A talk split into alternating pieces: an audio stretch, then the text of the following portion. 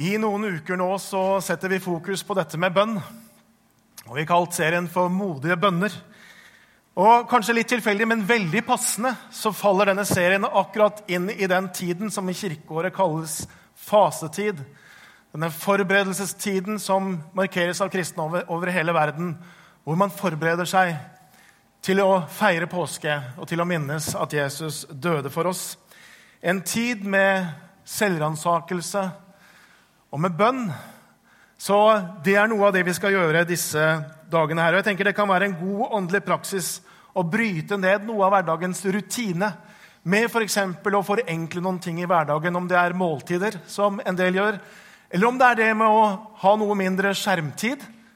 Det hadde kanskje vært bra for mange av oss. Å kunne få lov til å ha ettertanke og selvransakelse og bønn. Så Det er noe av det vi setter fokus på disse dagene her inn mot påske.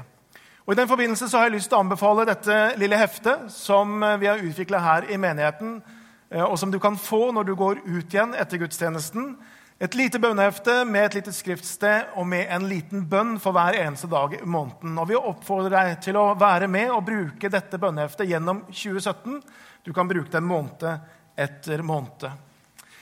Og så tror jeg vi skal be og legge resten av gudstjenesten i ærens hender. Himmelske Far, jeg har lyst til å takke deg for ditt nærvær, Herre. Jesus Kristus, jeg har lyst til å takke deg for at du er her sammen med oss. Og så ber jeg at du skal tale til oss i formiddag. Du kjenner oss, du kjenner våre liv og du kjenner våre tanker. Og så ber jeg at du skal gi oss i formiddag fra deg noe av det som vi trenger inn i våre liv. I ditt navn vi ber. Amen. Bønn er en fantastisk mulighet som vi er gitt av Gud selv, å få lov til å samtale med Han. Og jeg tenker Noen ganger så gjør vi det kanskje litt mer prestasjonsaktig og litt mer komplisert enn det i virkeligheten er. For det er ganske enkelt dette å samtale med Gud. Og jeg liker Ole Hallesby sin definisjon av bønn fra klassikeren fra bønnens verden, hvor han sier følgende Gud omgir oss i Kristus på alle sider. Vi behøver bare å åpne vår sjel. Og når bønnens, sjelens åndedrett, er det organ hvormed vi slipper Kristus inn i vår visne og tørre sjel. Bønn, hva er det? Ja, Det er ganske enkelt å puste. Det er å åpne opp vårt innerste for Gud, og så kan vi få lov til å puste ut alt det som ligger der på vårt hjerte, og så kan vi få lov til å puste inn hans nærvær så enkelt er det. Samtale med Jesus Kristus, som har lova å være nær oss og med oss alle dager inntil verdens ende. Veldig mange mennesker har gjort erfaring med bønn. På sånne spørreundersøkelser så sier mellom 50 og 80% at de har bedt i det siste året eller den siste tiden.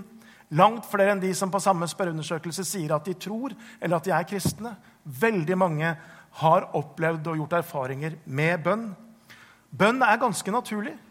Og det er Derfor så ser vi det også på barn, ganske små barn.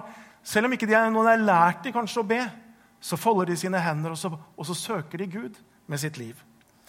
Og så er det sånn at Bønn sier mye om og hva vi ber om, sier jo mye om hva vi er opptatt av, og hva vi har fokus på.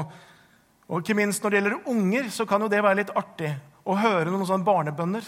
Så kanskje du har hatt en sønn eller en datter som har bedt noen sånne morsomme bønner. Men det sier noe om dem. Men jeg har noen her for så er det en Nan på syv år som sier, 'Kjære Gud, tipper det er vanskelig for deg å elske alle mennesker på hele jorden.'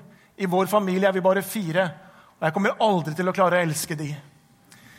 Det kan hende at noen kjenner seg litt igjen i det. Og så er det en annen som heter Raphael. Han er seks år, og så sier han følgende.: Kjære Gud, kan du gi meg en slik magisk lampe som Aladdin har? Da vil jeg gi deg hva som helst, bortsett fra pengene mine og sjakkspillet, da. Hvem har ikke bedt sånne bønner? Og Angela på åtte hun sier følgende.: Kjære Gud, dette er min bønn. Kan du være så snill å gi min bror litt hjerne? Så langt har han ingen. Og så er det Debbie på sju. Kjære Gud, kan du gi mamma deg en ny baby? Den babyen du sendte for noen uker siden, gråter for mye. Kanskje noen foreldre som kjenner seg litt igjen. Og så er det sånn at heldigvis, da, så er det ikke sånn at Gud gir oss alt vi ber om. Og jeg tror etter hvert så er det mange som tenker ja, det var jammen bra jeg ikke fikk det bønnesvaret der. Billy Grahams kone Ruth Graham hun sa til en forsamling i Minneapolis følgende Gud har ikke alltid gitt meg mine bønner, eller har alltid svart på mine bønner.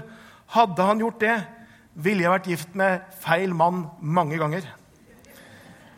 Det er bra at ikke Gud alltid svarer på bønn. Men nøyaktig hvordan dette med bønn henger sammen, hvordan det virker, hvorfor Gud svarer, ja, der må jeg si at jeg har mange spørsmål. Og jeg har noe færre svar. Akkurat hvordan ting henger sammen. Og Et sånt spørsmål som er for meg et sånt stort spørsmål, det er hvorfor er det sånn at den Gud som har all makt, og som vet alt, og som har skapt alt, og som ser alt Han når han sender sin sønn og Jesus Kristus kommer til vår jord og lærer oss å be, sånn som vi ba i stad, så lærer han oss å be følgende Skje din vilje. Er ikke det snodig? At Gud vil at vi skal be om at hans vilje skal skje, han som er allmektig og som ser alt og kan alt. Hvordan henger det sammen? For det er opplagt at Gud er ikke begrensa av vår bønn. Det er ikke sånn at han er dønn avhengig av oss. Paulus sier det sånn at Gud kan gjøre uendelig mye mer om det vi kan be om å forstå. Det er ikke våre bønner som begrenser han.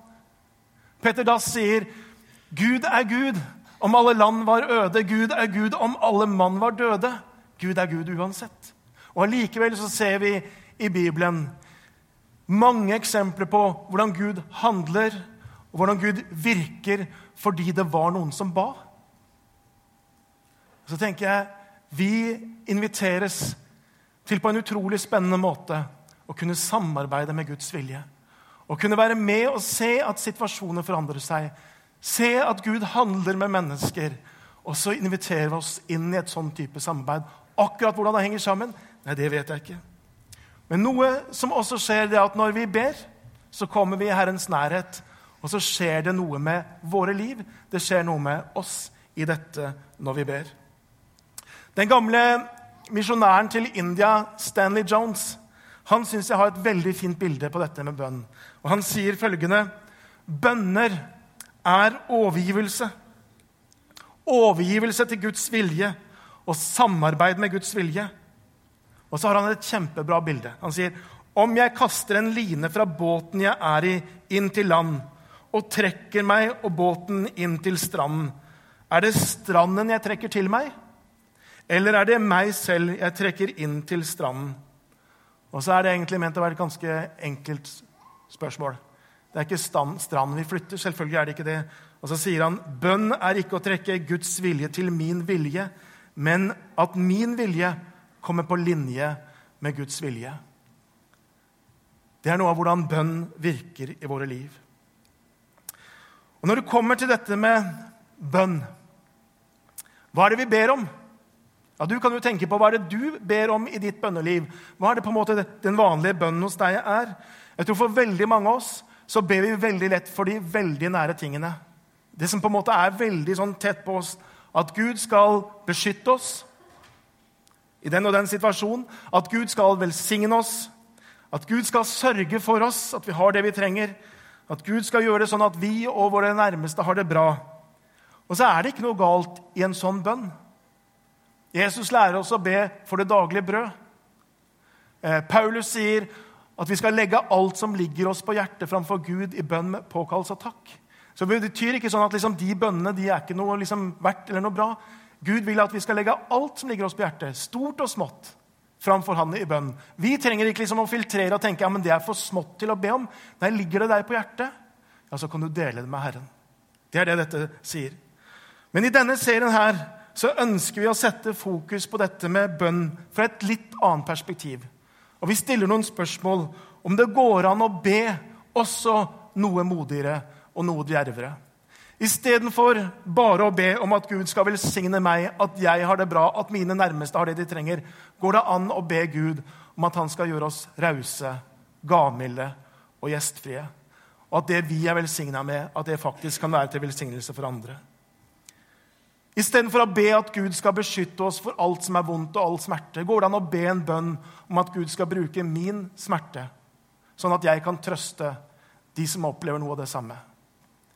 Istedenfor å be at Gud skal fjerne alt jeg opplever som krevende eller som, som motstand i arbeidsplass eller samfunn, går det an å be om at Gud skal gjøre meg frimodig, akkurat der jeg er. Til jeg kan stå opp for Han og Hans rike der jeg er satt. Går det an å be om at han ikke bare skal liksom forandre alle menneskene rundt meg og gjøre situasjonen lettere, men at han faktisk skal gjøre noe i mitt liv og forandre meg? Og så er vi på et annet nivå, og så er det noen modige bønner. Så det vi spør om i denne serien, her, det er rett og slett har du lyst til å være med og be noen modige bønner i disse ukene. For ditt liv og der du er.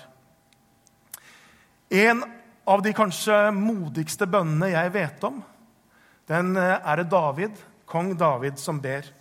Og Vi finner den i Salme 139, vers 23 og 24. Det er de to siste versene i denne salmen. her. Vi skal se på det sammen. David ber følgende Av en eller annen grunn så ble det veldig feil bilde, men det er greit. Hvis du går på det neste. Vi er der. Bønnen er følgende.: Ransak meg, Gud, og kjenn mitt hjerte. Prøv meg og kjenn mine tanker. Se om jeg følger avguders vei, og led meg inn på evighetens vei. Jeg leser den en gang til. Ransak meg, Gud, og kjenn mitt hjerte. Prøv meg og kjenn mine tanker. Se om jeg følger avguders vei, og led meg inn på evighetens vei.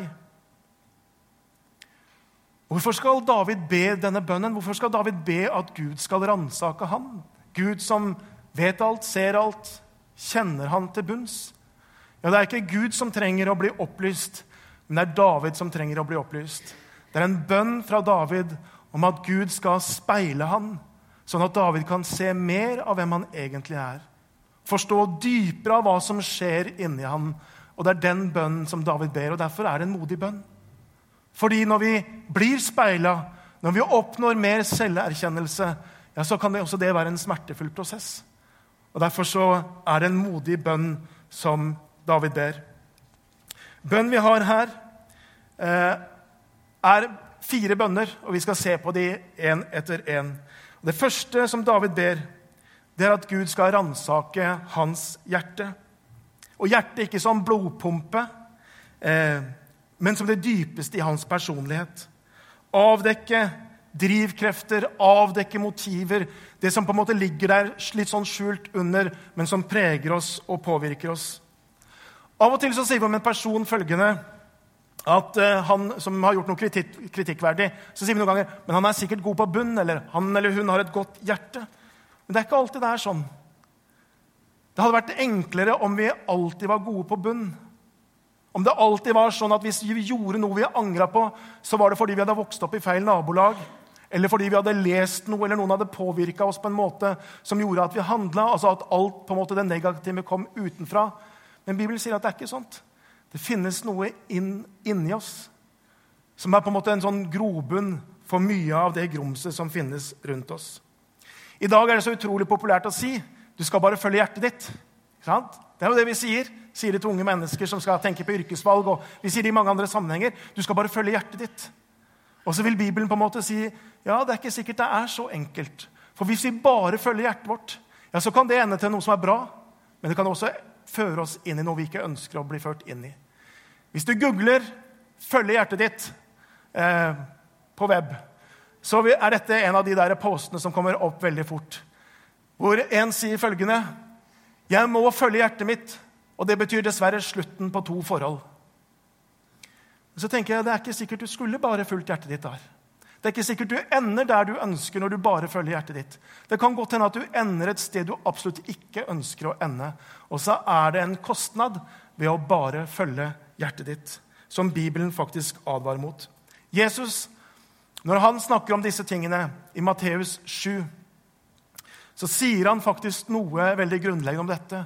At det er ikke utenfra alt det vonde kommer, men det kommer innenfra.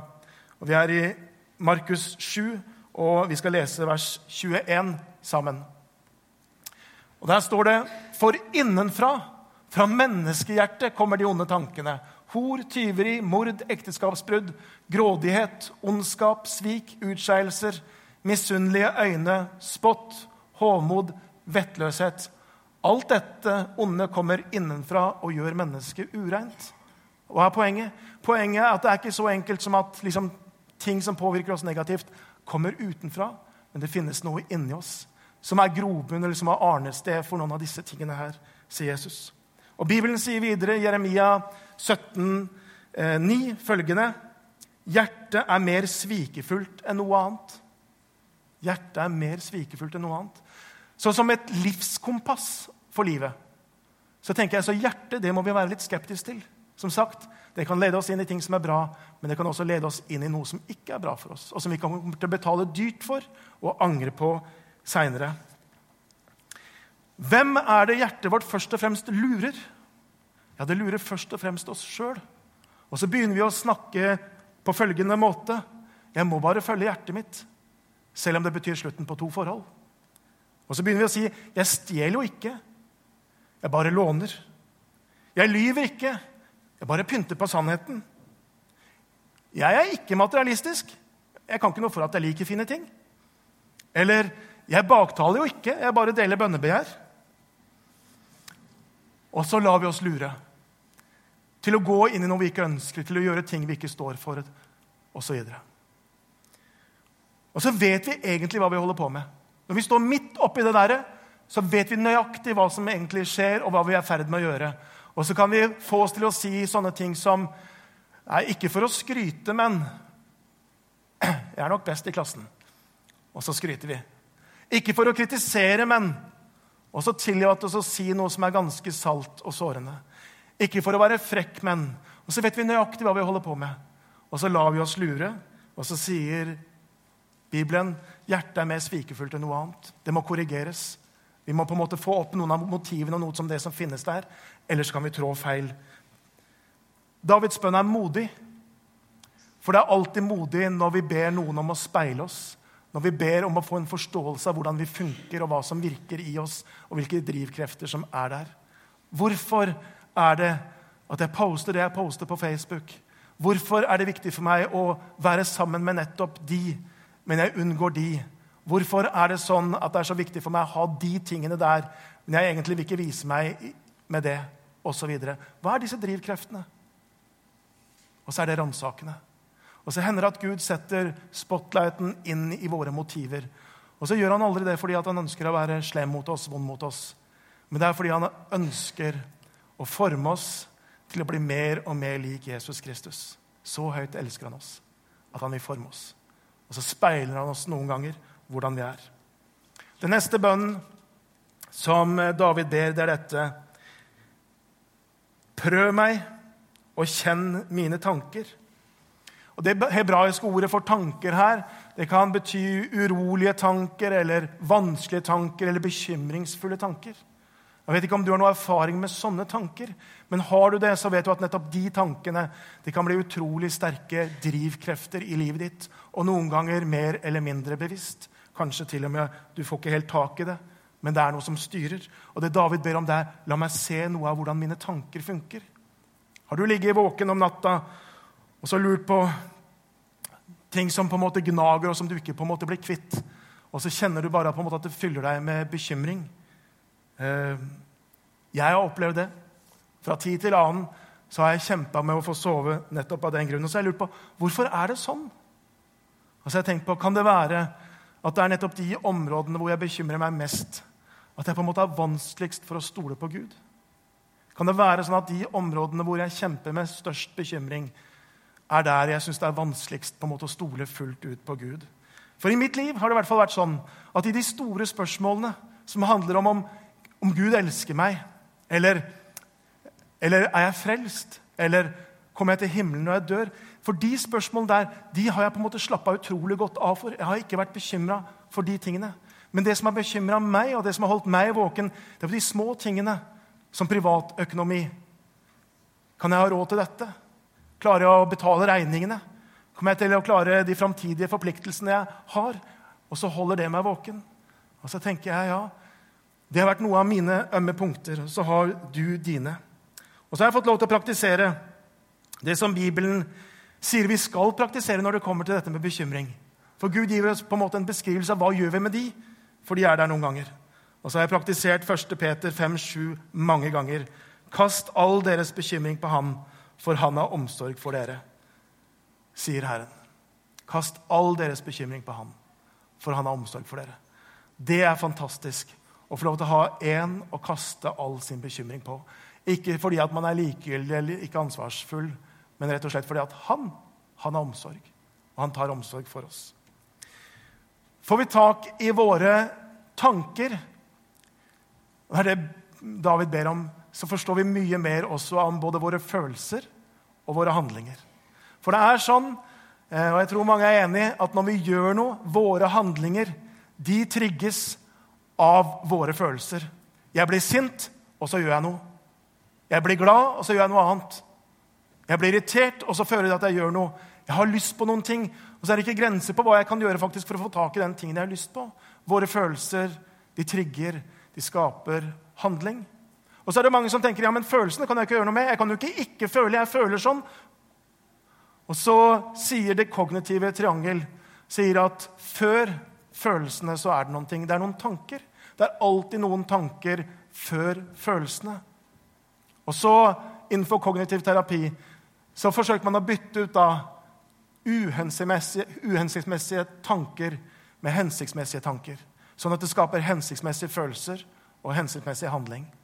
Og Det David ber om, det er rett og slett Herre, la meg få lov til å få tak i noen av disse automatiske, uhensiktsmessige tankene, sånn at det kan skape de rette følelsene, og jeg kan gå den rette veien. Det er noe av det som David ber om. La meg kjenne meg sjøl bedre. Og så kan det være utfordrende. Det kan være en modig bønn. Fordi det kan være smertefullt å grave i de tankene. Hva er det som finnes der? Hvilke traumer, hvilke sår er det som finnes der? Videre så ber David den bønnen om at Gud skal ransake han og se om han følger avguders vei. Den forrige oversettelsen så sto det 'onde vei'. Måte Det er litt underlig at David sier det her, for at litt, noen få vers tidligere i samme, samme salme så er han veldig tøff mot de som følger avguders vei. Han sier faktisk 'Jeg hater de som hater deg'. 'Jeg avskyr de som står deg imot', sier han bare noen få vers tidligere. Og så slår selverkjennelsen inn, og så er det 'Men Gud, må du hjelpe meg sånn at ikke jeg er på en sånn vei'? Og så vet vi det, at det er ofte så mye lettere å unnskylde seg selv og anklage andre. Er du enig i det? Det er så mye enklere å se en feil hos andre og så tenke nei, er det mulig? Og så gjør vi noe av det samme sjøl, og så unnskylder oss. Og Jesus han sier jo det i noen kjente vers. Han snakker om hvorfor ser du flisen i din brors øye, men den der svære bjelken som stikker ut av ditt eget, nei, den ser du ikke. Ta først bjelken ut av ditt eget øye, så kan du hjelpe din bror med den lille flisen, sier Jesus. Det er så mye lettere å se feil hos andre enn hos oss sjøl. Og så har jeg noen få spørsmål som kanskje kan være sånne ransakende spørsmål. da, Som kan si noe om på en måte, hvor er jeg Og Det ene spørsmålet det er dette Hva er det folk prøver å fortelle oss? For innimellom så er det jo noen som kommer med noen sånne hint, eller noen, sier noen ting, eller stiller noen spørsmål som er ganske lada, og så skjønner du at de vil meg et eller annet. Ikke sant? Er det så lurt at du gjør det? Er det så bra at du holder på med det? Er du sikker på at du tar gode valg nå? Og så er det noen sånne spørsmål. Jeg husker For en god stund siden så var det en venn som stilte meg følgende spørsmål, eller som sa følgende til meg. 'Jarle, du kan aldri innrømme en feil, du.' Hm. Hva tror du jeg svarte? Jo, det er klart jeg kan. Jeg kunne jo ikke innrømme det. Og så sa han, 'Ja, men når da?' Nei, Det kunne jeg ikke huske. Og så tenkte jeg ah, her er det et område. Jeg kan ikke bare forvente at andre skal legge seg flate eller innrømme feil. Jeg må jo på en måte virkelig stå for det jeg gjør sjøl, og innrømme feil når jeg har gjort noe. Og så ble det noe som jeg skjønte jeg måtte ta tak i det. Så Det er det ene spørsmålet. Et annet spørsmål er hvor er det du har kommet med rasjonaliseringer eller bortforklaringer en stund av typen 'Jeg øker mer sånn enn andre'. Eller jeg har jo all verdens rett til å reagere sånn når de oppfører seg slik. Eller alle gjør jo det. Eller det skader jo ingen, og ingen trenger å få greie på det. Og så har vi disse måtene å bortforklare og unnskylde og rasjonalisere i våre liv. Det tredje spørsmålet det er følgende På hvilket område i livet er det jeg kommer mest i forsvar? Hvor er det på en måte jeg kjenner at Hvis noen kommer inn på det, så sier vi nei, ikke gå den veien. Jeg vil ikke snakke om det. Ikke snakk til meg om det, Herre. Jeg vil ikke gå inn på det. Og så er vi dønn i forsvar. Hvilke områder er det? Og Så viser det kanskje oss noe om hvilken vei vi er på. Det kan være noen sånne ransakende spørsmål. Spørsmål å speile seg i og be denne bønnen som David ber. Gud, må du vise meg hvilken vei jeg er på. Den siste bønnen, der ber David følgende Led meg inn på evighetens vei. Og så er det sånn at Hvis vi ber den bønnen, og vi opplever at Gud speiler oss, og så ser vi noen ting i det speilet. Vi ser at vi har noen motiver som ikke er så veldig edle. Det finnes noe her i mitt hjerte eh, av egoisme, selvopptatthet, sjalusi eller hva det nå er, som trigger noe av det jeg gjør. Hvis vi ser det, hvis vi ser at eh, det er jo ikke bare alle de andre som tar feil. Jeg har faktisk en bjelke som stikker ut av mitt eget øye. Hvis vi ser noe om hvilke tanker som surrer og går, og som ikke er hensiktsmessige, hvis vi på en måte blir speila i noe av det lyset, så kan det være smertefullt. Men er det Gud som setter sitt lys på det, Gud som lyser opp det i ditt liv, så vil det aldri føre deg til en sånn selvmedlidenhetspøl hvor du tenker alt er gærent med meg. Men det vil alltid føre deg til Jesus. Og så vil du skjønne at jeg trenger Jesus. Jeg trenger hans nåde i mitt liv.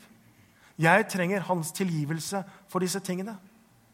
Jeg trenger hans sannhet, sånn at jeg kan bli satt i frihet fra dette som binder meg. Jeg trenger at han kommer med sin kjærlighet og med sin godhet mot meg. Det fører oss alltid til Jesus. Da jeg var i begynnelsen av 20-årene, så ba jeg omtrent denne bønnen her. Det var en leder, en forkynner, som sa noe sånt som at Be Gud om å gi deg et lite glimt av ditt hjerte uten Kristus. Så jeg ba egentlig dette. Ransak meg, Herre. La meg få se på en måte hvordan jeg er. Må du speile meg? Og så, gjennom noen uker, så var det som om Gud tok meg inn i en, eh, en vanskelig eller tung eller utfordrende etappe av mitt liv. For plutselig så, så jeg noe av sannheten om meg sjøl. Og på den tiden så førte jeg en sånn bønnedagbok og så ser jeg, bladde i den dagboka her nå, denne uka her, og så ser jeg hvordan jeg dag etter dag og et bønn etter bønn, så står det noe der at Gud viste meg at stolthet det var et sånn grunnleggende problem. En type stolthet som gjorde at jeg holdt mennesker og Gud på en armlengdes avstand. Jeg ville klare meg sjøl, ville ikke slippe noen inn. Og så ser jeg at noe av det jeg ba om, det var dette Herre, må du ta bort denne stoltheten må du gjøre meg ydmyk. Må du hjelpe meg å stole på deg, sånn at jeg kan få alt det du har for meg i mitt liv. For det begrensa mitt liv. Og så gjorde Gud noen ting gjennom noen uker, gjennom noen måneder, på akkurat det området i mitt liv. Det vi snakker om i dag, handler jo ikke om at Gud ikke elsker oss uansett. For det er sånn at ingenting vi kan gjøre, kan få Gud til å elske oss mer. Og ingenting vi gjør, kan få ham til å elske oss mindre. Hans kjærlighet den er uavhengig av hva vi gjør eller er eller får til. Men Gud elsker oss så høyt at han ønsker å forme oss. Han ønsker å forme oss til den mann og den kvinne som har skapt oss til å være. Han ønsker å forme oss til å bli mer og mer lik Jesus Kristus. Han ønsker å både gjøre oss mer lik Jesus og mer lik oss sjøl på samme tid. For det er det som skjer. Derfor så kan du be denne bønnen og så kan du be han om å speile deg. Og ved det så vil du også invitere han inn i ditt liv, inn i de skjulte rommene, inn i dine hemmelige rom der du ikke egentlig vil ha noen, og heller ikke Gud. Og så inviterer han til å gjøre sitt verk i ditt liv. Derfor så er dette en av de modigste bønnene jeg vet. Vil du være med og be den bønnen? Skal vi reise oss opp, og så ber vi den bønnen her. Og så kan du kjenne etter om det er noe som Gud bringer til din bevissthet? Om det er noe Gud på en måte taler om inn i ditt liv? Og så har jeg lyst til å be for dere etterpå. Vi ber i Jesu navn. Ransak meg, Gud, og kjenn mitt hjerte. Prøv meg og kjenn mine tanker. Se om jeg følger avguders vei, og led meg inn på evighetens vei.